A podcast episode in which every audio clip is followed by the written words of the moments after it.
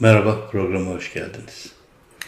Evet, 2-3 gündür yoktum. E, Frankfurt Kitap Fuarı'na gittim. E, Almanya'ya geldiğimden beri her yıl gidiyorum. Geçen sene pandemi dolayısıyla e, yoktu, yapılmamıştı. Bu sene de açıldı ama yarı yarıya izleyici, okur düşmüş diyebilirim. Neden sadece pandemi mi yoksa o maske zorunluluğumu bilemiyorum. Çünkü e, zaten buradan giderken işte trende e, falan e, maskeyle gidiyorsunuz. Hele uzun bir yoldan geliyorsunuz. Çünkü sadece Frankfurt Kitap Fuarı sadece Frankfurtları ilgilendiren bir şey değil. Hemen hemen Almanya'nın her yerinde, dünyadan geliyorlar. O yüzden bir de fuarı maskeyle dolaşmak zorundasınız. Standınız yoksa kendi standınızın içinde değilseniz ciddi bir felaket dolaşamadım yani. O kadar rahatsız edici bir durum. Yarı yarıya düşmüş yani 350-400 bin hatta yarıdan da fazla düşmüş. 350-400 bin kişi yerine 150 binden 200 arası e, olduğu söyleniyor. E, o cumartesi pazar muhteşem bir şekilde kitaptan fırlamış gençler kıyafetleriyle seyirlik e, gençlerdi. onlar çok azdı bu sene. yani fuar biraz e, herhalde uzun yıllardır en düşük seviyede geçti. Evet şimdi esas e, konuşacağım fuar değil sadece hafta sonu neden program yapamadım onu bahsetmek istedim. 10 tane büyükelçi. Evet e, iktidar fena sıkışmış durumda. Daha doğrusu iktidardan çok iktidar yalakaları fena halde sıkışmış durumda. Karşımızda e, öyle bir cumhurbaşkanı var ki artık e, beni doğrulamak için elinden geleni yapıyor. Sanıyorum dün ya da belki bu sabah tam şeyine bakmadım. Çok fazla detayına bakmadım. Erdoğan torunlardan birinin adını unutmuş. Hatırlamamış yani. Ben bu Alzheimer yazısını 2-3 yıl önce yazmıştım.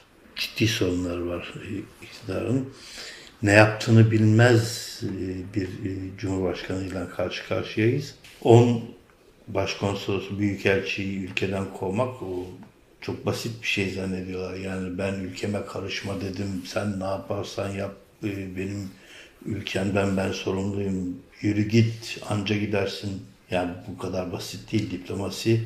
E, diplomasi öyle bir şey ki Amerika'nın diplomasisi çok gelişmiş olmadığından nedenini de bilmiyorum. E, Amerikan diplomasisini genelde İngiltere götürür diye bir e, söylenti vardır. Amerika yapacaklarını e, ortaya koyar, e, İngiltere diplomasisini e, yapar derler hep. E, o yüzden diplomasi o kadar kolay bir şey değil ama e, diplomatları e, çok da kötü değildi. Yani bu bu ülke siyasetine rağmen e, diplomaside, büyükelçilerde, Dışişleri Bakanlıklarında önemli insanları gördü. Fakat tabii şimdi işte hısım akraba gibi diplomatlar atanmaya başlayınca bu işten anlamadığınız ortaya çıkıyor. Şimdi çok fena sıkışmışlar çünkü Erdoğan'ın dediğinin dışında bir şey söylemekten korktukları için bu yalakalı, yalaka basın 10 e, tane büyükelçinin kovulması konusunda ne diyeceklerini şaşırdılar. Yani bugün Abdülkadir Selvi'nin e, maalesef yine yazısını okumak zorunda kaldım. Ya olmasa da olur ama 15 dakikalık iş diyor. Yani onları kovmak buradan diyor. Mesela 15 dakikalık iş değil insanları buradan kovmak. Sen bir e, anlaşma yapmışsın. İlk kere iki dört. Bu anlaşma ortada. O anlaşmanın kararlarına uyacaksın. Kararlarına uymazsan anlaşmadan çıkacaksın. Anlaşmadan çıkarsan e, Avrupa Birliği ya da Avrupa topluluğu işte Avrupa Konseyi pardon sana bir şey söyleme hakkına sahip değil. Şimdi mesela iltica konusunda, iltica konusunda anlaşma yapmışsın. Uluslararası anlaşmaya şer koymuşsun. Ben doğudan e, iltica kabul etmiyorum. Sadece batıdan kabul ediyorum diye. Bu yanlış olabilir ama anlaşılabilir bir şey olabilir. Yani işte Suriyeliler o yüzden iltica edemiyorlar. Çünkü senin uluslararası anlaşmanda Suriye'den iltica kabul etmen yok. Yani şer koymuş. O yüzden niye yani niye düzeltmiyorsun bu anlaşmayı tekrar niye gözden geçirmiyorsun e, eleştirisi ayrı bir şey. Ama niye yapmıyorsun ayrı bir şey. Çünkü sözleşmen öyle. Yani bu sözleşme de bu hükümet zamanında yapılmış bir sözleşme değil. Atatürk zamanında yapılmış. Yani e, Orta Doğu'nun durumunu bildiği için büyük bir olasılıkla e, böyle bir şerh koy, koymuşlar vakti zamanında. O yüzden bunu e, anlaşılıyor. Fakat e, anlaşma varsa ve orada bir ahim diye bir mahkeme varsa o mahkemenin e, kararlarına uymak zorunda olduğuna dair de anlaşma yaptıysan, işte hatta bu ahim e, ahimi ara sıra sen de kullandıysan Erdoğan olarak, Recep Tayyip Erdoğan olarak, Emine Erdoğan olarak, Hayri Nüsa Gül, Gül olarak bunları kullandıysan demek ki faydalı bir şey olduğunu biliyorsun. Çünkü işte e, türban konusunda Hayri Nüsa Gül de e, oraya gittik. Hocası Cumhurbaşkanı olunca üniversite okumasam da olur deyip davasını geri çekti mesela. Tabii böyle bir şey var. Kocanız Cumhurbaşkanı olunca ya da eşiniz diyeyim e, eşiniz Cumhurbaşkanı olunca üniversite okumanızın bir anlamı yok. O yüzden ayime e, açtığınız davayı geri çekebiliyorsunuz. Çünkü şöyle düşünüyorlar yani e, açılan dava e, devlete karşı diye bir mantık var. Oysa e, hükümet e, hükümetin aldığı kararlara karşı e, alınan bir tavırdır. Hükümetle devlet bizde hep karıştırılıyor. Ben devletime laf söyletmem tamam. Ben de laf söyletmem. Ama o devleti yöneten hükümet var. Devletin kötü görünmesini sağlayan, devletin faşist diktatör görünmesini sağlayan, diktatörlük olarak görünmesini sağlayan bir hükümet var. O hükümetin yaptıklarını eleştirme hakkım var. O yüzden e, şunu bilmemiz gerekiyor. Bu kararları devlet almıyor. Devleti yöneten hükümet alıyor. Onun için e, Harun Gül'ün ayımı açtığı türbanlı üniversite bilmem ne e, işte okuyamadığım davası devlete karşı açılan bir dava değil. Kendilerinin hükümetinin e, ya da başka hükümetlerin, önceki hükümetlerin kararına karşı açılan bir dava. Yani bu kararı düzeltmek için de dava açman gerekiyor. Avrupa Birliği de ona göre karar alacak. İşte o kararların e, işine geldiklerini beğeniyorlar, işine gelmediklerini beğenmiyorlar. Yani böyle bir şey var. Osman Kavala meselesi. Ahim'e dava açılmış. Ahim Osman Kavala'yı haklı bulmuş. Ve sen anayasaya şöyle bir şey koymuş. Ahim'in aldığı kararı bizim aleyhimize de olsa uygulamak zorundasın. O zaman bunu uygulamadığın zaman Avrupa Konseyi'nin aldığı bir takım kararlar var. Bir, bir uyarırım diyor, iki uyarırım diyor, üç e, seni Avrupa Konseyi'nden atarım diyor. Kurucusu oldun. Şimdi Avrupa Konseyi'nden atılmak e, tek başına bir e, kurumdan atılmakla e, eşdeğer değil. Bütün e, Türkiye'nin Avrupa ile olan e, ekonomik işbirliğini de etkileyecek e, bir karar. Çünkü bu Ahim şöyle bir karar alıyor. Yani bu faşist bir karardır diyor. Selahattin Demirtaş'tan e, Osman Kavala'nın hala serbest bırakılmaması, doğru dosya hazırlanmaması, daha önce beraat edip tam salınacakken tekrar tutuklanması bunlar siyasi kararlardır diyor. Ve sen bu siyasi kararlarda direnirsen Avrupa Konseyi'nde olamazsın. Çünkü oranın bir takım kriterleri var. Bu kriterlerin başında demokrasi geliyor. Özgürlük geliyor. Bu özgürlüklere, bu kriterlere uymadığın müddetçe benim yanında yerin yok diyor. Sen zannediyorsun ki işte e, politikayı bilmediği için, diplomasiyle hiçbir bağlantın olmadığı için 10 tane e, devlet e, büyükelçisi açıklama yapıyor. Osman Kavala'yı bırakın diye. Şimdi şeyi tartışıyorlar. İşte efendim e, hepsi Avrupa Birliği değilmiş. İçinde Amerika'da varmıştı. Amerika bunun başını çekiyormuş da, şuymuş da, buymuş da. Dünyada demokrasi istiyoruz. Demokrasinin olduğu bir ülkeyle e, demokrasiyle yönetilen bir ülkeyle işbirliği yapmak istiyoruz tavrını alıyor. Amerika demokrat mı? Bu ayrı bir tartışma. Ama ben bu kararlara uyulmasını istiyorum diyor. Amerika'nın aldığı e, ya da Amerika başlı başına demokrat bir ülke değil. Bunu kimse söyleyemez. Ama mesela Amerika'da e, şöyle bir demokrasi var. Bunu da kimse inkar edemez. Amerika Başkanı'nın aldığı kararları yargıya götürecek kadar yargının hayır diyebileceği kadar bir demokrasi var. Yani ben Amerika'nın başkanı oldum, dünyaya da hükmediyorum esasında deyip Amerikan başkanı Erdoğan gibi her istediğini yapamıyor mesela. Bu kendi içinde bir demokrasiyi gösteriyor. Bu dünyanın bütün ülkeleri için böyle. Yani bir tek e, dikkat ederseniz doğuda ben söylediğimi yaparım diyen başkanlar var. Batı'da bunu görmüyorsunuz ya da çok sık gözüken bir şey değil. Yani e, Trump e, bunu denedi mesela yani Amerika'da. Denedi ama yapamadı. Bir takım mahkemeler işte hatta e, seçimde e, bazı eyaletleri mahkemeye verdi eyalet başsavcısı dedi ki yani ben bunu kabul etmiyorum dedi. İtirazı incelemeyi kabul etmiyorum dedi. Bunu yaşadı Trump. Yani Demokrasi böyle bir şey. Ama doğuya doğru kaydığımızda e, Asya'ya, Orta Doğu'ya, e, buralara baktığımızda bunu göremiyoruz. İşte bunun örneklerinden bir tanesi de Putin. Erdoğan Putin'i örnek alıyor esasında. Putin diplomasisini ya da Putin siyasetini. Hiç, hiç iktidardan gitmeyecek ve e, ölene kadar o yönetecek ve her dediği olacak siyasetin. Ama her dediğinizi evde bile yapamıyorsunuz. Evde de işte ne bileyim ben eşinizin e, bir takım hakları var. Beraber yaşıyorsanız annenizin babanızın bir hakları var. Çocuklarınızın bir hakları, bir takım hakları var. Var oldu var.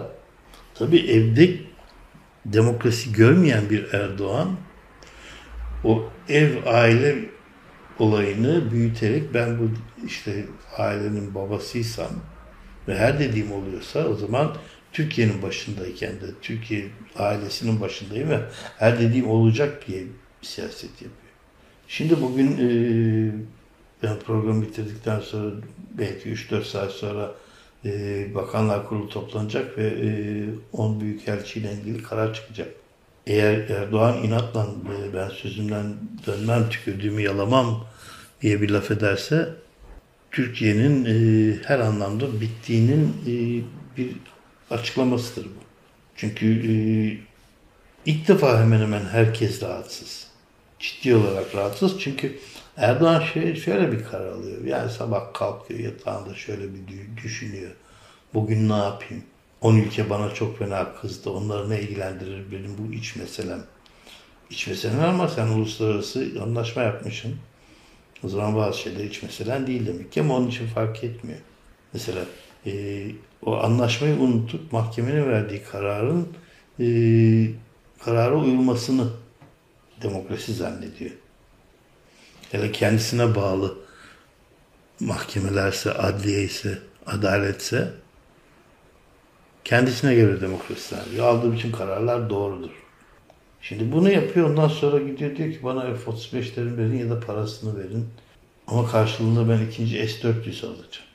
Bunu şimdiye kadar bir takım insanlar niye savundular gerçekten anlamak güç. Yani NATO NATO'ya karşı yapılmış bir silahı NATO'ya bağlı bir ülke olarak satın alıyoruz. Bunun gerçekten açıklanabilir bir yanı yok. Biz bunu e, savunduğumuz zaman, söylediğimiz zaman bizi NATO'cu falan zannettiler. Ben hep söylüyorum. Benim ilk sol e, eylemlerimdeki sloganım bağımsız Türkiye, NATO'suz Türkiye. 70'lerin sloganıdır. Ama çıkmadıysan ülke olarak, ülkeyi yönetenlerden bir tanesi olarak onun kriterlerine uymak zorundasın. Yani gene aileye geleceğim. Evliliğe karşı olabilirsin, aile sisteminin işte ne bileyim ben yanlış olduğunu savunabilirsin ama o imza yaptıysan onun getirdiği bir takım kurallar var kendi içinde. O kurallara uymak zorundasın. Karşı olman e, burada seni tamamıyla haklı çıkartmıyor. Ben emperyalizme karşıyım. O zaman Amerika'nın her dediğine karşıyım gibi bir mantık sadece Doğu Perinçek'te var. Mesela grip olsa Amerika'dan bulaşmış olabilir Doğu Perinçek'e. Çünkü Doğu Perinçek Amerika dışındaki her şeye karşı bağışıklı bir herif. Şimdi bütün yalaka basın e, Erdoğan'a 10 büyükelçinin Türkiye'den atılmasının yanlış olduğunu söylemeye çabalarken bir şekilde işte efendim burası da yanlış düzeltilse iyi olur biz çok kötü oluruz derken bir tek Doğu Perinçek mesela karşı Erdoğan'ı savunuyor. Çünkü o onu ömür boyu unutmayacak Amerikan Büyükelçisi'nin Türkiye'nin istenmeyen adamı ilan edilmesini ve gönderilmesini o onun büyük bir başarı olarak zannedecek. Tabii Erdoğan değil kendi başarısı olarak zannedecek. Çünkü e, Erdoğan bizim siyasetimize geldi diyen bir Doğu Perinçek var. Bugün karar ne çıkacak bilmiyorum. Erdoğan'ı ikna edebilecekler mi? İkna etmek için e, çabalayabilecek cesaretleri var mı? Onu gerçekten bilmiyorum. Kim yazmıştı? Ya artık gerçekteydi. E, ya da başka bir yerde okudum. Yani Batı, Amerika dahil, Avrupa Birliği dahil herkes bir e, kırmızı ışığı yaktı artık Erdoğan'a. Yani e, Türkiye ile e, bir sürü anlaşmaları olan insanlar Erdoğansız bir Türkiye, Erdoğansız bir iktidar istiyorlar. Şimdi e, doların ne hale geldiğini gördünüz. Erdoğan'ın aldığı bir kararla. Nasıl bir ekonomik karardır bilemiyorum, anlam, anlamıyorum.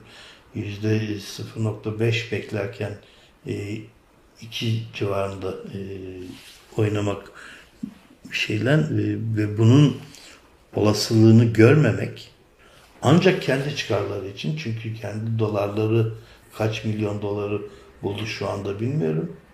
İnsan ancak devlet adına böyle bir karar alabilir. Kendi çıkarı, birkaç kişinin çıkarı için. Çünkü e, o doları sonuçta bozduruyorsunuz, Türk parasına çeviriyorsunuz ya da satın alıyorsunuz. Bunun haberleri belli bir takım insanlara gidiyor. Yarım saat önce, 24 saat önce birileri dolarlarla change yapıyor. Ve bu, bu birkaç kişiydi. O, diyelim ki 10 kişi, diyelim ki 100 kişi. Çok ciddi. Yani hep şey örneğini veriyoruz ya yanlış bir e, şey yapıyoruz. Yani diğerini az veriyoruz. Dediğim şu. İşte 1 lira, e, bir kuruş oynarsa Türkiye'nin borcuna şu kadar Türk lirası etkileniyor, bu, bu e, ekleniyor. E, bunun altından kalkmak gerçekten zor. O yüzden e, dolarla Türk lirası üzerinde bu kadar oynamak yanlıştır diye konuşuyoruz ya. Evet ama o Türkiye'de borcu artarken Türkiye'de yaşayan bir takım insanların borcu azalıyor ya da karı çoğalıyor.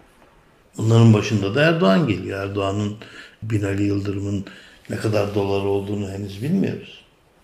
Yani diyebilirsiniz ki e, işte bunlar paraları zaten yurt dışına kaçırdılar da işte Türkiye'de yaşamak gibi dertleri yok da ya da Türkiye'de Türkiye'ye getirmek gibi dertleri yok da falan filan. O paralar nasıl işte 128 milyardan tutun da hangi yollarla ne şekilde kimler var sayesinde yurt dışına gitti bilmiyoruz ama sonuçta e, beyin az çalıştığı zaman o şöyle düşünüyor. Ben öyle düşünüyorum yani belki mizahi kaçacak ama ya dün benim 500 trilyon Türk liram vardı. Bugün hiçbir şey yapmadan bir baktım 550 trilyon olmuş. O halbuki hala Avrupa'da yaşasa aynı dolardan yaşayacak. Ama önemli değil. Beyin bu kadar. Yani Binali Yıldırım'da bu kadar olduğunu da zannetmiyorum.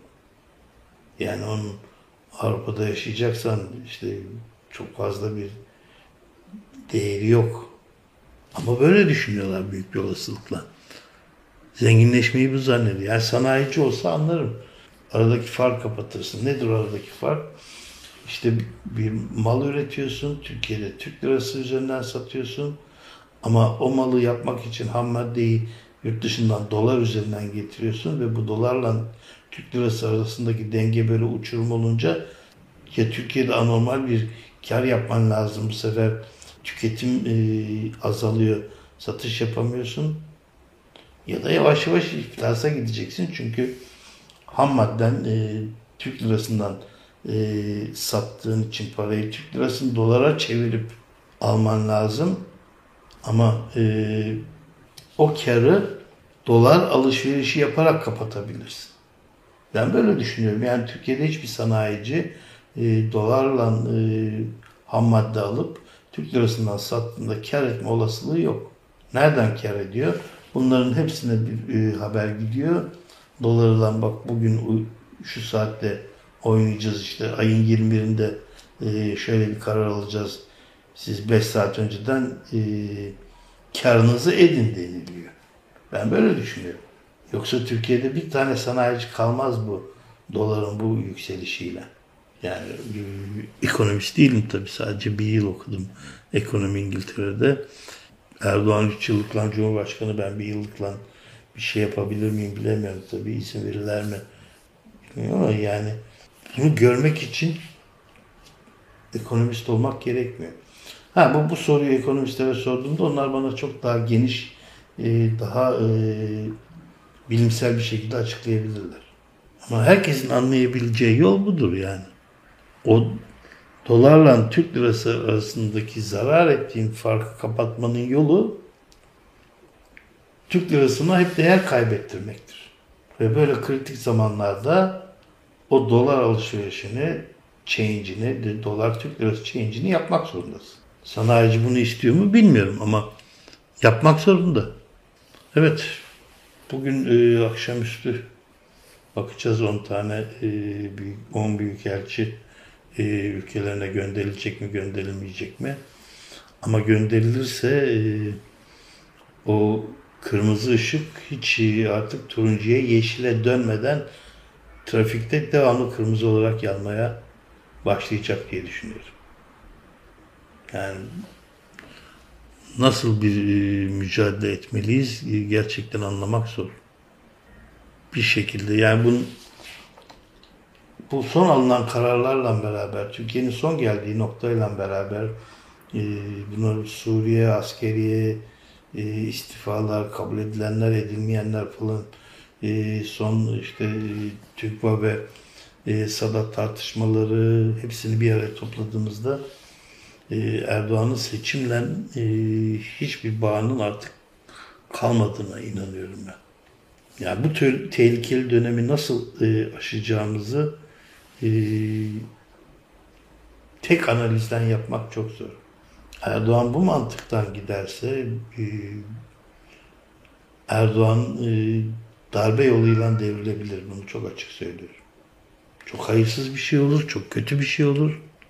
Ama Erdoğan'ın e, darbe yoluyla, darbe girişimine karşı yapacağı darbeyle kazanmak dışında bir alternatifi kalmadı gibi geliyor bana. Buna e, Devlet Bahçeli hep Alparslan Türk böyle şey olduğunda Alparslan Türkeş diyesim geliyor. E, Devlet Bahçeli buna ne kadar ikna olur bilemiyorum. Bugün e, görüşmeleri var. O görüşmede bu 10 büyükelçiyi mi konuşacaklar, e, başka şeyler mi konuşacaklar? E, seçim yasasının e, yeni maddeleri mi var ya da işte dar bölgede daraltılmış bölge bunlar mı tartışılacak bilemiyorum. Çünkü bir kısım da şey diyor yani bu yaptıkları tam bir seçim şeyi yani işte doları 10 tane büyükelçinin üstüne atacak falan filan daha beter olmadan seçime gidecek mi? İstediğin kadar seçim hilesi yap. Hile payı çok yükseldi. O kadar büyük de hile yapılamıyor çünkü yani bu matematiksel ve teknik bir şey. Bir yere kadar yapabiliyorsun. Bir ölçüsü var bunun. O ölçü şimdiye kadar kullandı. Mesela İstanbul'un e, belediye başkanlığının ikinci seçiminde tam çuvalladı. Bu seçimde hile olmamıştır mutlaka olmuştur.